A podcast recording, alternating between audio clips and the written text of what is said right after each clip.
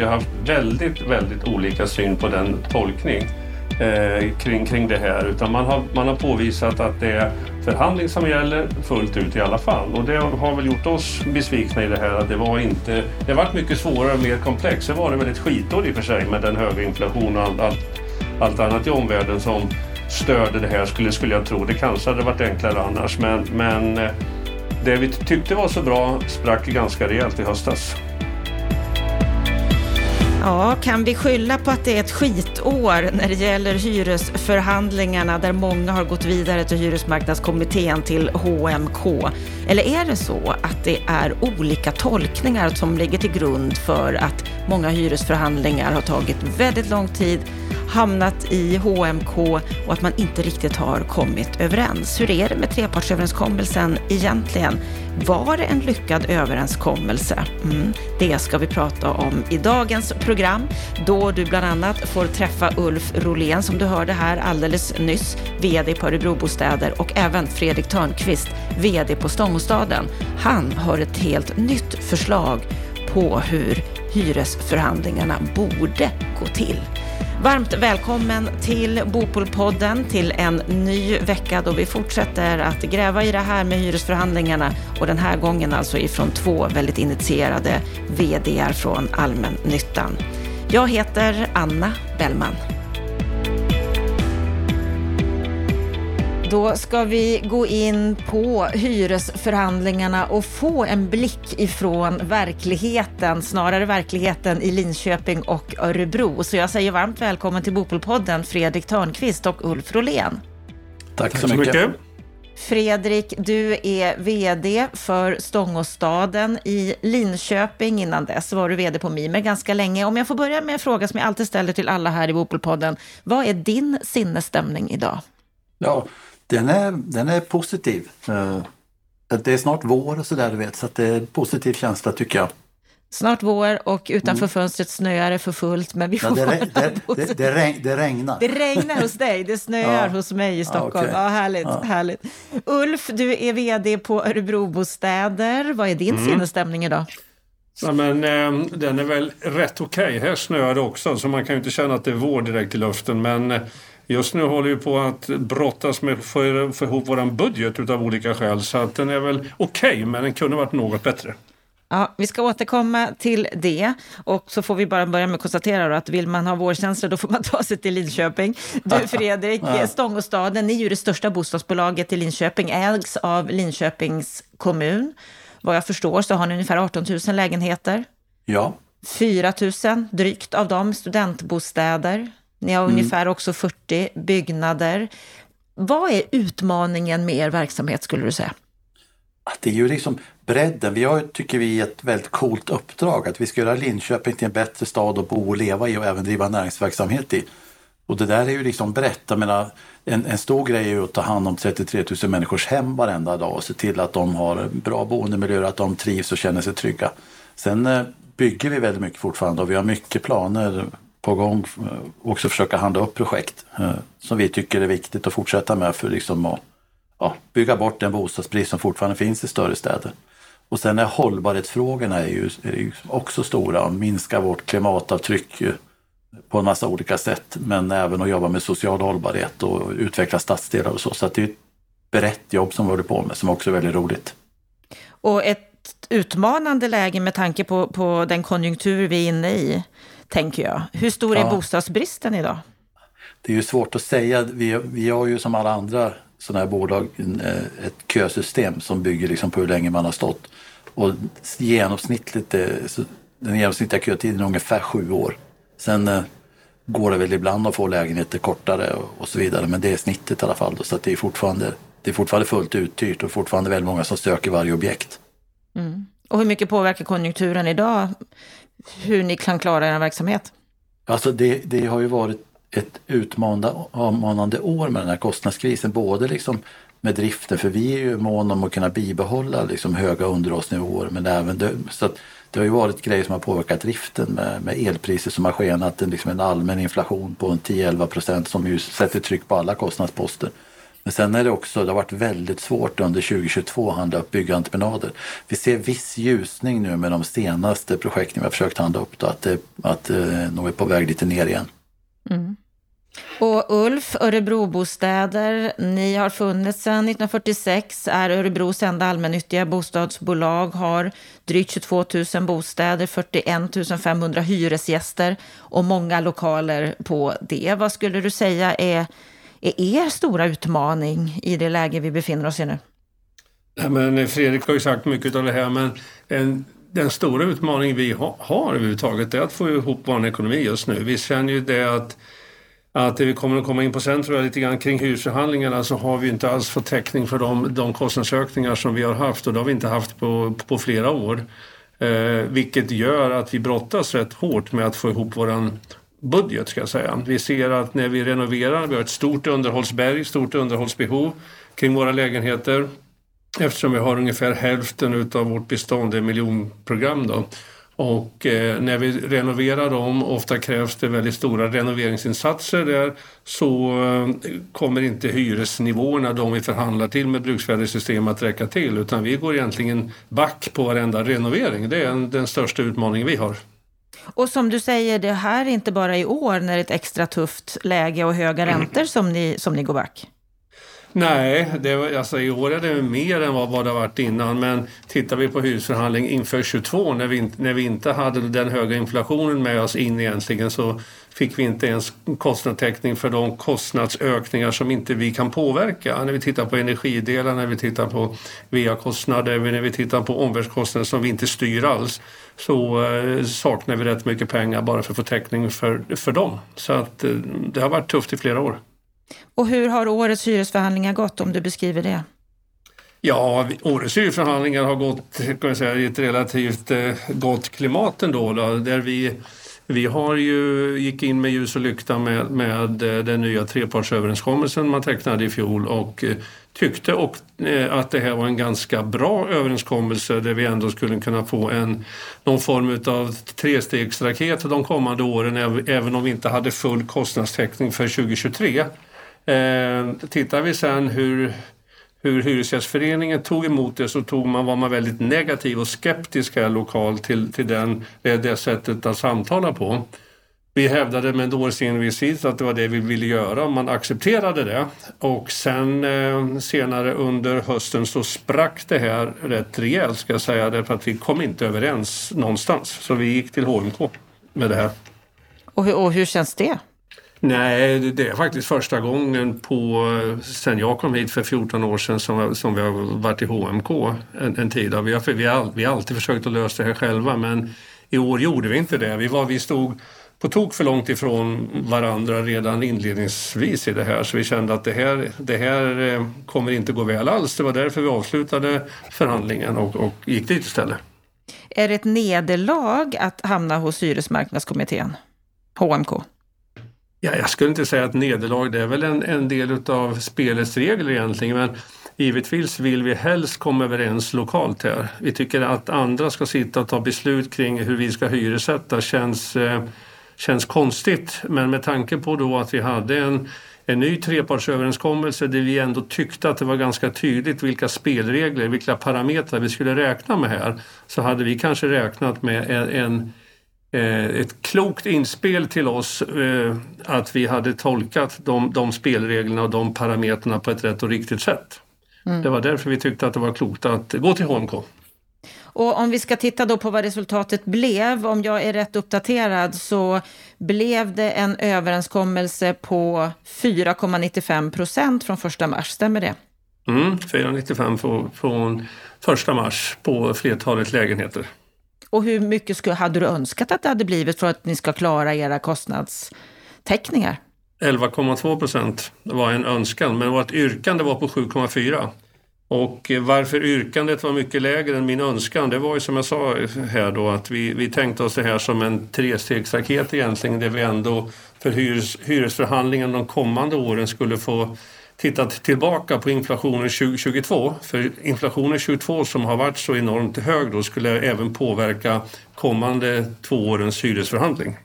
Mm. Det är en stor skillnad i vad ni faktiskt får ut i hyreshöjning mm. och vad du hade yrkat på eller ens önskat. Du har sagt i, i media så här att efter att ha anpassat 2023 års budget så hoppas vi ändå klara våra resultatmål. Kommer ni göra det? Ja, vi måste se till att vi, vi gör det, men, men det kommer att innebära att eh, vi kommer föreslå styrelsen att vi behöver sälja en del lägenheter och jag är inte bekväm med att sälja lägenheter av skälet för att nå ett resultat. Det ska vara andra skäl vi vill göra det för. Hur mycket måste ni anpassa budgeten? Ja, tittar, vi på, tittar vi på ursprungs... När vi hade, när vi hade nått 495 då tittade vi på vad vi saknade så har vi en, en saknad på ungefär 100 miljoner för att täcka de ökade räntekostnader och kostnadsnivåer vi har. Sen eh, som en engångsparameter för 23 nu så får vi ungefär 20 miljoner i elstöd. Så 80 miljoner behöver vi anpassa. Mm. Det är en hel del pengar. Det är mycket pengar. Fredrik, hur ser det ut för er på Stångåstaden? Vad har årets hyresförhandlingar resulterat i? Vi lyckades ju inte lika bra. Vi var inte HMK, men vi fick 3,95 här i Linköping. Jag tror vi träffades åtta tillfällen innan vi landade, men vi var ändå glada att vi lyckades komma överens lokalt. Vi har ju haft ett antal vänner där vi varit i HMK tidigare. Och det ville ni inte göra nu. Ni kom på 3,95. Hur mycket täcker det, det ja. ni hade önskat? Ja, vi brukar inte gå ut med hur mycket vi yrkar, men vi hade ju byggt liksom vårt resonemang på den här nya modellen. Och man kan säga att och de här parametrarna som man sätter in i den hade vi viktat med, med tyngdpunkt på liksom hur vår kostnadsstruktur ser ut och vår resultaträkning. Och då hamnar man väl ungefär där, där det som Ulf pratade om då. Eh, sen är det liksom, jag, jag tycker så här att ett enskilt år som det här, det är klart att då kan man, vi kan nog liksom, vi kan klara att hantera liksom den nivån vi fick utan att vi behöver göra avkall på vårt resultat. Men sen, sen har vi fått jobba hårt med budgeten för att spara. Det som jag tycker är oroande är liksom att systemet inte riktigt håller för att vi behöver ju på något sätt långsiktigt få täckning för kostnadsutvecklingen, så kommer vi urholkas. Och, och nu ser man liksom med de här, om, om det är 4-5 procent vi som, som det landar på i de flesta bolagen så tappar man ju liksom 6-7 procent mot inflationen och hur ska man liksom kunna ta igen det? Så att, eh, det, det, är viktigt tycker jag att man liksom resonerar kring det här systemet, hur det ska funka framåt. För man kan inte göra så här många år, då kommer vi att urholkas och då blir det svårare och svårare att leverera bra kvalitet. Ja, det låter på er båda två som att ni är besvikna på trepartsöverenskommelsen, är ni det? Besviken kanske liksom är, eh, är, är fel ord, men, men, men kanske liksom att jag, jag själv blev lite överraskad över att man tolkade liksom hur det här skulle användas på så olika sätt. Jag tror det har liksom varit tror jag, grundskälet här, liksom att vi hade, vi hade väldigt olika synsätt på hur, hur, hur det skulle användas. Och vad är det som skiljer skulle du säga? Vad är de olika nej, synsätten? Alltså, nej, men jag, jag, tror att synsättet också så som de här vår branschorganisation Sveriges Allmännytta gjorde ju liksom en vägledning där man liksom satte upp de här parametrarna, de här fem olika. Och, och, det har inte varit svårt att komma överens liksom hur de där ska vara liksom, eh, innevarande år och två bakåt. Det, var liksom, det har vi varit helt överens om. Men sen när man liksom viktar om att det ska ligga till grund, där har det liksom delats. Och det tror jag det gjort liksom, när jag pratar med kollegor ute i landet överallt. Att man har liksom inte kanske tyckt att den är skarp på det sättet utan det är någonting mer man tittar på. Och sen har det ju blivit lite grann att man har, eh, ja, de, de ärenden som varit i HMK då har man ju kanske inte heller tagit ställning riktigt till modellen utan det har ju blivit kompromisser som man har fattat där då. Och det har kanske de varit tvungna att göra för att man ska komma fram. Och det vi kan säga då det är ju att eh, Sveriges allmännytta är en av parterna i trepartsöverenskommelsen och Hyresgästföreningen och fastighetsägarna är de andra två parterna. Ja, Ulf, vad säger du om trepartsöverenskommelsen? Hur tycker du att den har fungerat? Jag säger väl som Fredrik först, först vi, var, vi har inte varit besvikna från första start på den. Jag tyckte nog att, eller vi tyckte här från, från vår sida, vi som har varit inblandade i förhandlingen, att äntligen skulle jag vilja säga att det var en, en bra modell. Vi tyckte att det var ganska tydligt, eller väldigt tydligt, på vilka parametrar skulle vi jobba med egentligen på de här. Och eh, det är väl mer sen när, när vi väl kom igång i hyresförhandlingsdelen eh, i höstas där, där vi haft så väldigt olika tolkningar eh, och precis som Fredrik sa, Sveriges allmännytta tycker jag skickar ut en vägledning som var väldigt bra. Vi har, vi har använt den fullt ut egentligen. Sen har inte, sen har inte Hyresgästföreningen varken lokalt eller centralt haft någon vägledning på hur man skulle tolka den här. Så att vi har haft väldigt, väldigt olika syn på den tolkning eh, kring, kring det här. Utan man har, man har påvisat att det är förhandling som gäller fullt ut i alla fall. Och det har väl gjort oss besvikna i det här att det var inte... Det har varit mycket svårare och mer komplext. Det var det väl ett skitår i och för sig med den höga inflationen och allt, allt, allt annat i omvärlden som störde det här skulle, skulle jag tro. Det kanske hade varit enklare annars men, men eh, det vi tyckte var så bra sprack ganska rejält i höstas. Ja, påverkar det den här trepartsöverenskommelsen att just omvärlden, den situation vi befinner oss på marknaden, höga räntor, hög inflation, var det lite otur att den lanserades just det här året? Det skulle jag tro. Alltså om vi inte haft en inflation på 10 procent och att vi hade har gått ut med väldigt höga yrkanden eller att en, en del gick ut på 10-11 procent så tror jag att det hade varit betydligt enklare i alla fall. Vi hamnar i en situation där man, där man från vissa håll yrkar 10-11 procent. Vi som sagt yrkade 7,4 som är väldigt mycket mer än vad vi gör i normalåret. Ska jag säga. Och det är klart att det här har påverkat hela eh, situationen kring vad är det vi ska hyresförhandla på. Hyresgästföreningen har ju påtalat att den den hyresjustering som ni önskar, som vi också ser att ni egentligen måste ha, finns ju inga möjligheter utan ni måste vara med och ta en del av den kostnadsökning. Hyresgästen kan inte ta allt, vilket vi inte höll med om. Då. Mm. Och nu ska trepartsöverenskommelsen utvärderas. I maj kommer vi få resultatet av det troligtvis. Vilken input skulle ni vilja ge till den här utvärderingen av trepartsöverenskommelsen? Jag kan väl börja då. Jag tycker att man ska gå in och titta på vad, vad var det vi kom överens om därför att jag har jag har lite svårt att förstå att man kan vara så överens om någonting som man skriver en, en överenskommelse på och man sen är så oense vad som, som gäller. Ska det här bli en framgångssaga så måste man vara väldigt tydlig och vara väldigt överens om vad man är överens om. Och det, det kanske inte är så enkelt som, som, som jag säger men Annars så känns det som att det blir väldigt svårt för oss att återkomma i höst med en modell som man inte är överens om. Mm. Vad säger du Fredrik? Ja, alltså det som jag tycker är viktigt, det som har varit problemet och det är ju för att vi fick 10-11 procents inflation, det är ju liksom att det blev väldigt mycket på en gång. Men jag tycker man, modellen är ju eh, väldigt bra för att vi har ju fått ett antal liksom tydliga punkter att det här ska liksom förhandlingen handla om. Och det där speglar ju också eh, på något sätt kostnadsutvecklingen det, det, som, det som är problemet är att vi tappar väldigt mycket mot inflationen jag tror att ska vi ha ett system som ska vara hållbart då måste det på något sätt byggas upp så att vi långsiktigt får täckning för de kostnadsökningar vi får. Kommer den att överleva trepartsöverenskommelsen? Vad tror ni? Alltså man, kan liksom, man får väl utvärdera det här nu och se, kan man liksom hitta en större samsyn, då kan det säkert överleva. Annars måste vi gå någon annan väg tror jag.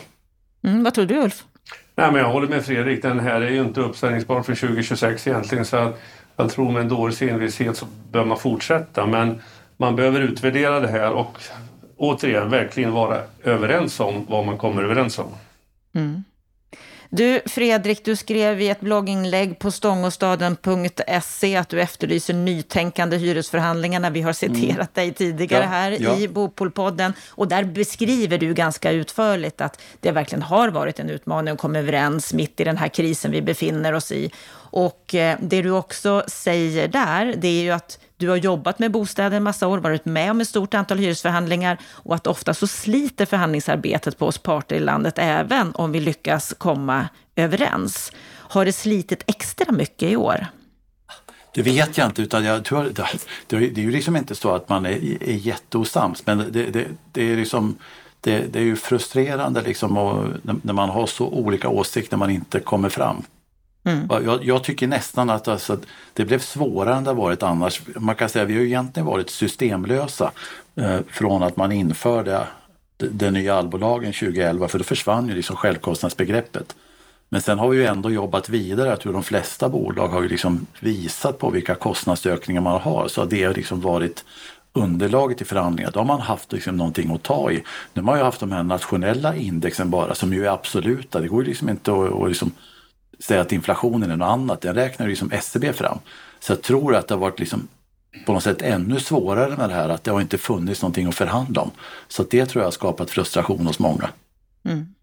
Det du, det du skriver i det här blogginlägget väldigt ja. utförligt, jag ska, jag ska citera dig, då skriver ja. du bland annat så här. När vi analyserar utfallet av hyresförhandlingarna över tid och jämför med inflationen så konstaterar jag att vi i Linköping haft en hyresutveckling som är i nivå med inflationen de senaste 25 åren. Det mm. kan variera lite från år till år, men över tid är det väldigt lika. Med det som utgångspunkt så kanske det är dags att tänka nytt och införa ett index på bostäder, precis som vi har för kommersiella lokaler. Det är alltså mm. ett indexerat system som du vill ja. se istället för nuvarande förhandlingsordning. Ja. Berätta. Mm. Jo, för om, om, ser, om, man tittar över 25 års tid, nu tror jag vi, vi tappade nog lite grann nu det här sista året, men annars över de här 25 åren, om man ackumulerar KPI och man ackumulerar hyreshöjningar, så är det nästan exakt samma. Så hade man liksom haft, haft KPI, man behöver inte ha KPI, men man, man kan ha något, något annat index, men om man har KPI, då hade vi landat på exakt samma ställe som vi har gjort nu. Och det här förhandlingsarbetet är ju en tidskrävande grej som man kanske kunde ägnat åt något annat istället. Då hade ni sparat en del tid och kraft och engagemang menar du? Ja, precis. Absolut. Vad säger du Ulf om det här förslaget som Fredrik har gått ut med? Ja, vi har ju inte gjort den djupanalysen som Fredrik har gjort under den, den tiden till tillbaka men jag, jag litar fullständigt på det Fredrik säger och vi har resonerat om det här förut han och jag. Jag håller med fullständigt. Skulle man ju kunna göra det här så är det och vi hamnar på de nivåerna i alla fall istället för att sitta och bråka ibland som det ändå är. Vi, vi är ju inte ens, vi har två stycken olika uppgifter egentligen, hyresförhandlarna på, på sitt sätt eller på, och vi på vårt, vårt håll. Då. Eh, sen är det ju väldigt mycket pengar utöver att det tar tid så kostar ju förhandlingsdelen runt omkring i Sverige x antal väldigt mycket pengar. Jag har, jag har inte siffran i, i huvudet men det är många förhandlare runt omkring i Sverige som, som, måste, som måste avlönas. Och kunde man ändå ha en, ett rimligt bra index så tycker jag att det vore jätteklokt att testa det. Jag hade ju Erik Elmgren från Hyresgästföreningen och Anders Holmestig från Fastighetsägarna här i podden för ett par veckor sedan. De tror ju inte alls på det här systemet. Är du förvånad över det, Fredrik? Nej, jag, jag vet, jag, jag har faktiskt inte koll på varför Fastighetsägarna inte tror på det. Hyresgästföreningen kanske inte är så, så konstigt. Eh, men eh, ja, jag, jag tror liksom att det skulle underlätta väldigt mycket och det, det är mycket pengar även för hyresgästerna. Den här förhandlingsersättningen är ju liksom ett antal kronor man betalar varje månad. Det blir mycket, många miljoner när man lägger ihop det där liksom på ett år. Vad har du det, fått för respons ifrån, ifrån andra, ifrån andra allmännyttiga bolag och andra fastighetsägare? Jag, jag har fått otroligt mycket liksom, positiv respons för jag tror att det här är en väldigt stor fråga liksom, ute i landet. Så att jag, man, jag kan säga att i princip uteslutande har jag fått positiv respons på det. Och det är ju också, det är ju inte liksom det är ju inte sagt att nu ska vi liksom chockhöja hyror utan det är ju mer liksom när man reflekterar över att man, man når liksom till samma resultat men man skulle kunna spara väldigt mycket tid och pengar och göra annat för. Då tycker jag liksom att det är inte svårt liksom att inse att det här skulle vara bättre. Det skulle ju dessutom bli mer förutsägbart för både fastighetsbolag och för eh, hyresgäster. Vi har ju en person till, Mimers VD, alltså allmännyttan i Västerås, Mikael Källqvist. Han skrev i ett blogginlägg att ansvaret vilar tungt på Hyresgästföreningen centralt att klargöra hur de anser att avtalet ska användas i de lokala förhandlingarna. Den vägledningen kan bara Hyresgästföreningen ge eftersom de har tolkningsföreträde när vi har olika uppfattningar lokalt. Och informationen som Mimer fick från allmännyttan stämde inte med Hyresgästföreningens förhandlares uppfattning. Om detta inte klargörs så kommer förvirringen bestå och viljan att använda överenskommelsen urholkas bland bostadsbolagen. Delar ni Mikael Källqvists uppfattning här? Det är väl det som Ulf sa där, att är, man måste ju reda ut och komma överens om vad man har kommit överens om. För det är ju uppenbart att man, man tolkar själva överenskommelsen väldigt olika. Jag är också då, jag tänker alltid att man sitter alltid i gamla mönster fast i hjulspår som man alltid har gjort. Och jag tror det är viktigt att när man hamnar i de här situationerna så tror jag det är viktigt att tänka nytt, tänka nya banor, bryta mönster och se kan det här fungera istället. Och om det då uppenbarligen är som Fredrik säger att vi över tid hamnar på motsvarande inflationen eller i vilket fall som helst, ja varför inte? Vi sparar tid, pengar och kraft. Jag tycker det låter jätteklokt. Mm. Och när det gäller då HMK, Hyresmarknadskommittén, hur ser ni på deras, deras roll? Jag tycker liksom att de, de gör ju liksom eh, sitt allra bästa. De har ju liksom, tycker jag, de, de gånger, vi har ju inte varit där i år så jag kan inte svara för i år. Men annars när vi har varit i HMK så har ju de liksom gjort ett bra jobb tycker jag. Sen har det varit, de har ju fastnat tror jag i samma grej som alla andra har gjort ute i landet. Att om man inte riktigt vet, liksom, om man har olika syn på hur man ska tolka den här den nya överenskommelsen, då blir det också väldigt svårt liksom, i, i, i HMK att försöka hitta eh, någon dom. För då har man så man, man, man, har liksom inget ramverk att hålla sig i riktigt. Så jag tycker att utifrån förutsättningar så de ändå liksom lyckats lösa en del grejer i år redan. Mm. Håller du med om det Ulf? jag säger så här, jag tycker att eh, vi, vi eh, gick till HMK men det var inte 495 som kom från HMK utan vi, vi tog kontakt med Hyresgästföreningen igen när vi förstod att vi inte skulle få något medlingsbud, vilket jag tycker är ett misslyckande i sig då. Att man där i HMK var så oense att vi inte ens kunde få, få den delen. Eh, vi hade också förväntat oss detta speciella år med med, med en ny överenskommelse att vi skulle få en motivering, förklaring på eh, vad, vad HMK skulle komma fram till. Men när det också stod klart att ingen förklaring kommer att ges kring tolkningen kring nya trepartsöverenskommelsen. Det var då vi sa nej men då, då tar vi kontakt med, med, med HGF igen här och försöker att ta upp förhandlingen. Och det, det accepterade de även fast vi hade strandat. Så jag hade förväntat mig en förklaring ställt mot trepartsöverenskommelsen mot ett, ett eh, förslag till överenskommelse som HSK skulle ha kommit med. Mm. Det låter som att mycket handlar om tolkningar, att det inte är tydligt vad trepartsöverenskommelsen egentligen mm. handlar om och ska göra, trots att det ju tog väldigt många timmar att få fram trepartsöverenskommelsen.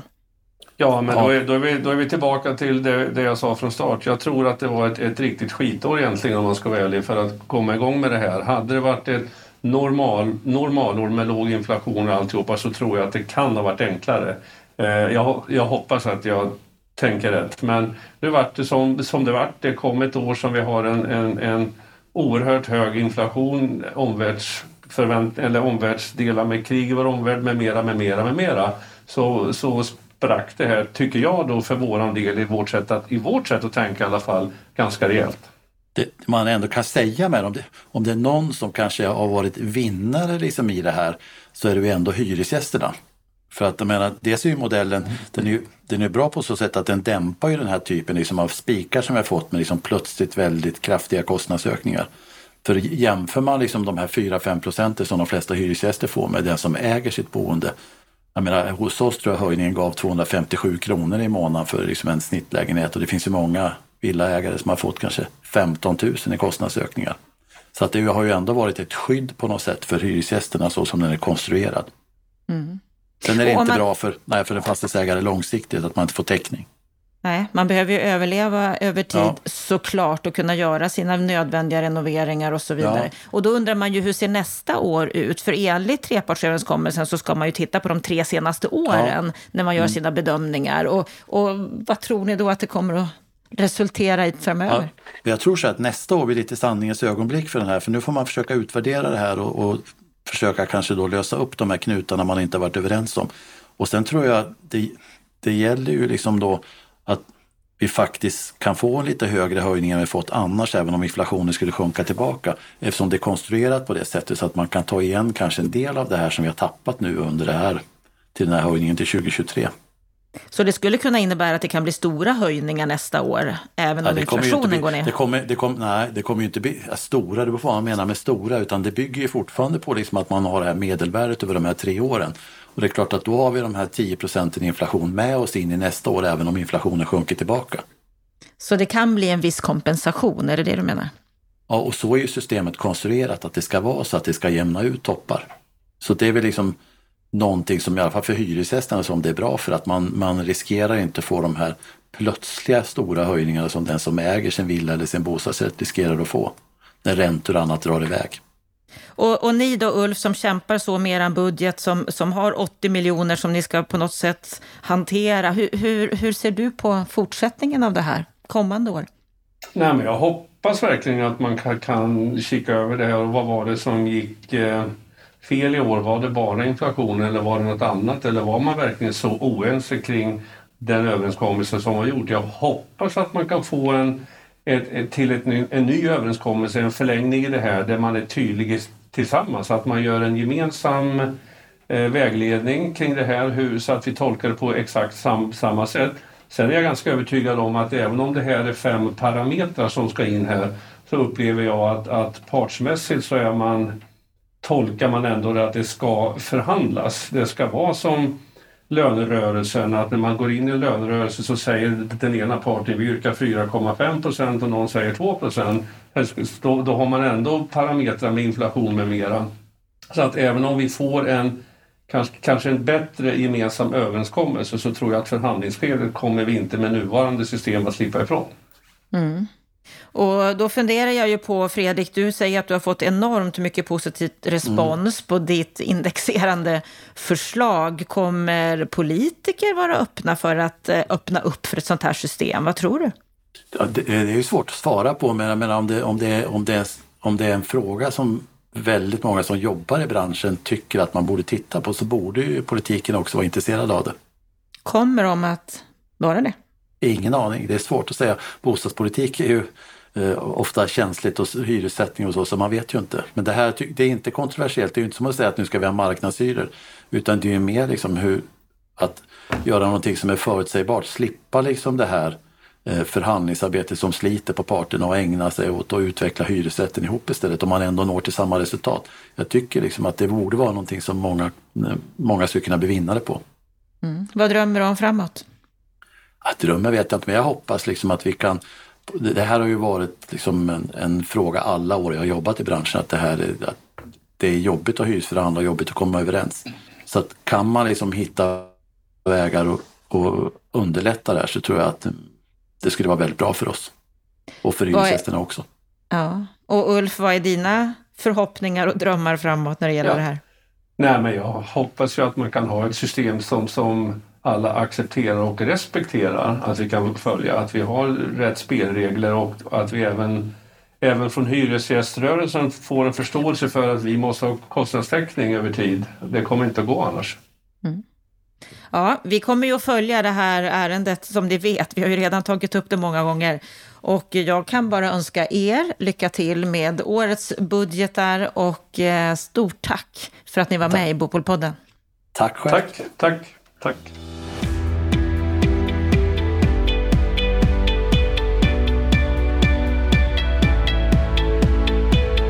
Ja, då har vi hört samtalet om hyresförhandlingarna med Fredrik Törnqvist, Stångåstaden, Linköping och Ulf Rolén från Örebro Bostäder.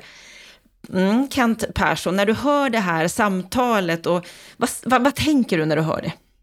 Ja, dels så ska man inleda med att eh, ändå ändå jag konstatera och nämna att eh, Ulf Rolén och Fredrik Törnqvist är ju två mycket erfarna vd i eh, allmännyttesfären eh, och leder två stora framgångsrika bostadsbolag som har en stor betydelse för både Linköping och Örebro. Så att det här är ju erfarna vd som nu uttrycker, byggt på sin erfarenhet, hur läget är. Och jag skulle säga så här, jag, tror att man, eller jag tycker att man ska ta in deras konstaterande på allvar. För att det är inte så att de uttrycker saker och ting i onödan, eh, utan deras oro, den är befogad. Ulf säger ju att det är ett skitår och att det bara kanske är lite otur att treparten lanserades detta år. Va, va, hur ser du på den synpunkten? Nej, men I den delen har han ju rätt att eh, första året som den nya trepartsöverenskommelsen skulle tillämpas så hamnar vi i ett läge med väldigt snabba förändringar med en oerhört hög inflation eh, som dessutom ser ut, tyvärr, att bita sig fast eh, och därmed också ett ganska snabbt ränteomslag. Så att det är klart att det här är ett exceptionellt år och i den bemärkelsen ett skitår. Eh, och man hade inte prövat den här överenskommelsen.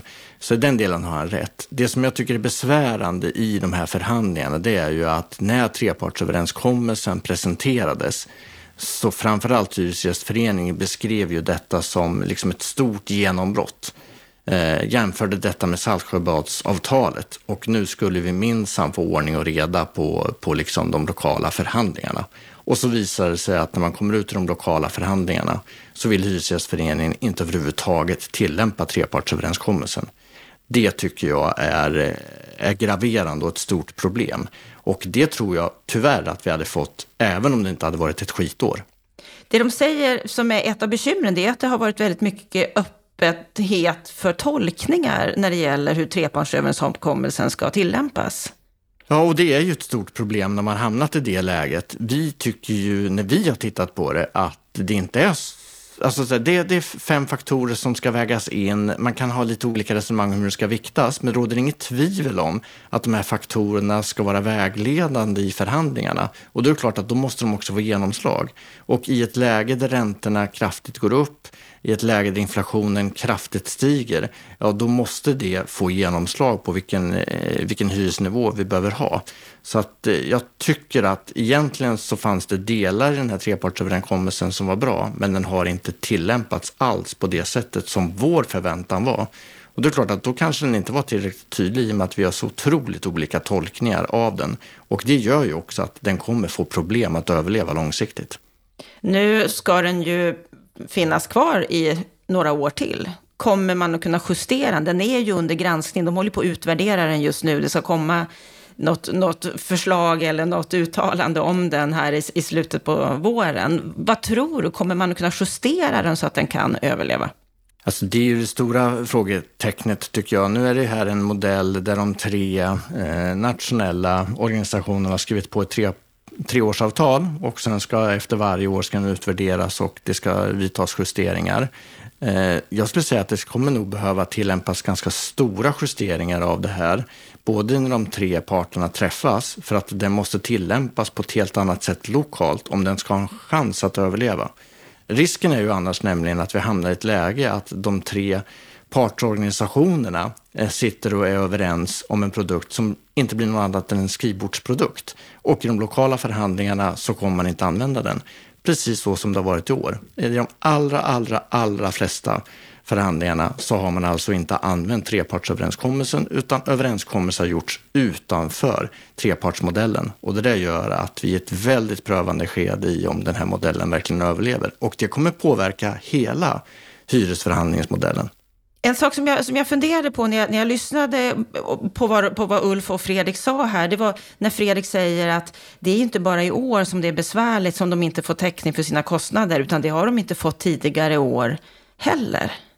Nej, och det är ju intressant att, att eh, både Fredrik och, och Ulf eh, nämner det i det här samtalet, att bakåt i tiden så har man inte riktigt fått täckning för de kostnadsökningarna eh, som man har haft. Eh, det har de här företagen klarat, både i allmännyttan och privata, tack vare att vi har haft otroligt låga räntenivåer. Men framförallt skulle jag säga det att du har kunnat kompensera det med att vi har haft stigande fastighetsvärden. Eh, och både Örebrobostäder och Linköping är ju i växande kommuner, så att de har klarat detta ändå. Men när man lyssnar då också på, på Ulf, som är väldigt tydlig med vad konsekvensen blir av årets förhandling, där han pratar om att de har ett, Eh, ett sparbehov egentligen på i storleksordningen 80 miljoner. Så det är klart att det kommer ju få ganska stora konsekvenser för, för förvaltandet av Örebrobostäder i Örebro. Många säger ju nu, jag tycker jag hör det ganska ofta, att ja, men det här är ju ingen fara för att alla fastighetsbolag, de har ju tält guld med smörkniv under många år, så att de har ju jättemycket att kunna ta av. Hur ser du på den aspekten? Nej, men tittar man på, på eh, fastighetssektorn generellt när det gäller bostäder så är detta en väldigt eh, kapitalkrävande verksamhet. Dyrt att köpa fastigheter, dyrt att bygga fastigheter, ganska dyrt att förvalta och till slut är det en ganska Eh, låg marginal. Det är en ganska låg direktavkastning eh, på detta. Det som de här sista tio åren har kompenserats utav det, det är ju att vi har haft eh, kraftigt stigande fastighetsvärden.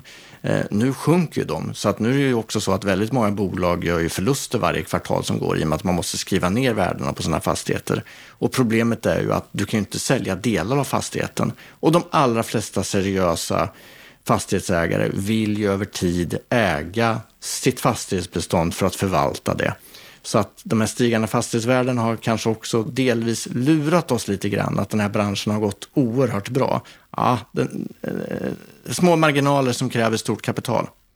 Och, och, när det gäller just de här, de här hyresförhandlingarna, de här ganska låga då, höjningarna. Där ger ju Fredrik ett exempel att liksom, det har inte varit så, alltså hyresgästerna är vinnare på det här. En, en normal lägenhet får en höjning på 250 drygt kronor i månaden medan många villaägare har ju fått betydligt högre höjningar på sina månadskostnader. Hur, hur ser du på det resonemanget att hyresgästerna de är vinnare i det här läget? Men kortsiktigt är det ju så att eh, hyresgästerna har klarat sig väldigt bra genom den här förhandlingen, får väldigt låga uppräkningar. Och jag tycker också att det är så att tittar vi på hyresgästkollektivet, jag förstår att det finns eh, en hel del människor som har det jättetufft ekonomiskt nu i Sverige att klara sin vardag. Eh, men det gäller inte alla och det gäller inte alla i hyresgästkollektivet heller. Väldigt många har det gott ställt och hade kunnat klara högre hyreshöjningar än det som blev fallet nu. Långsiktigt är ju problemet med de här låga hyresuppräkningarna som vi nu ser, det är ju det att det eh, försämrar sannolikt kvaliteten i förvaltningen kortsiktigt.